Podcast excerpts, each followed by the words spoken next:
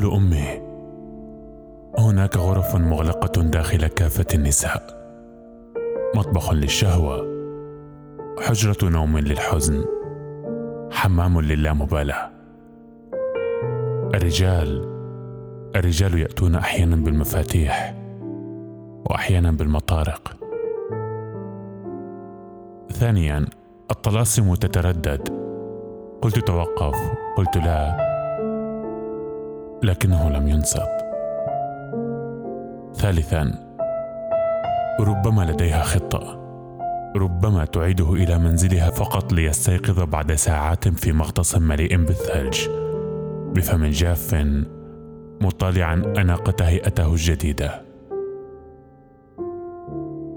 رابعا أشير لجسدي وأقول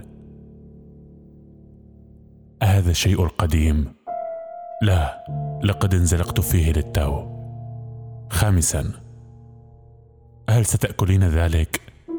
سألت أمي مشيرة إلى أبي الذي يرقد على مائدة الطعام وفمه محشو بتفاحة حمراء. سادسا كلما نما جسدي كلما زاد عدد الغرف المغلقة وزاد عدد الرجال الآتين بالمفاتيح. انور لم يدفع بالمفتاح حتى النهاية. ما زلت أفكر فيما كان يمكن أن يفتحه بداخلي ان فعل تردد باسل عندما فتح الباب لثلاث سنوات. ثم جاء جوني ذو العينين الزرقاوين حاملا حقيبة من الأدوات التي استخدمها سابقا مع نساء أخريات. دبوس شعر زجاجة مبيض مطواء وعبوة فازلين. ردد يوسف اسم الله بالقرب من ثقب المفتاح ولم يجبه أحد. بعضهم توسل بعضهم تسلق جانب جسدي بحثا عن نافذة والبعض قالوا إنهم في طريقهم ولم يأتوا. سابعا قالوا أرنا على الدمية أين يتم لمسك؟ قلت لا أبدو كدمية أبدو كبيت قالوا أرنا على البيت هكذا إصبعين في جرة مربى.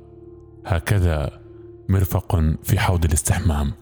هكذا يد في الدرج. ثامنا يجدر بي أن أخبرك عن حبي الأول الذي اكتشف بابا سحريا أسفل نهدي الأيسر منذ تسع سنوات. سقط منه إلى داخلي ومنذ ذلك الحين لم يشاهده أحد.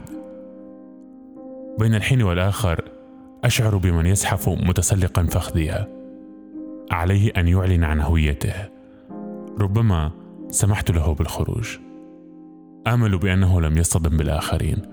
الصبية المفقودين من المدن الصغيرة وأمهاتهم الوادعات الذين ارتكبوا أمورا سيئة وضاعوا في متاهة شعري أعتني بهم جيدا. شريحة من الخبز وقطعة من الفاكهة إن كانوا محظوظين. فيما عدا جوني ذو العينين الزرقاوين. الذي تمكن من أقفالي رغما عني وزحف داخلا. صبي سخيف مقيد بقبو مخاوفي. أعزف الموسيقى لأغرقه. تاسعا قرع على الباب. من هناك؟ لا أحد. عاشرا في الحفلات أشير إلى جسدي وأقول يأتي الحب ليموت هنا. مرحبا بكم داخله لتعتبروه بيتكم. ويضحك الجميع. ظنا منهم أنني أمزح.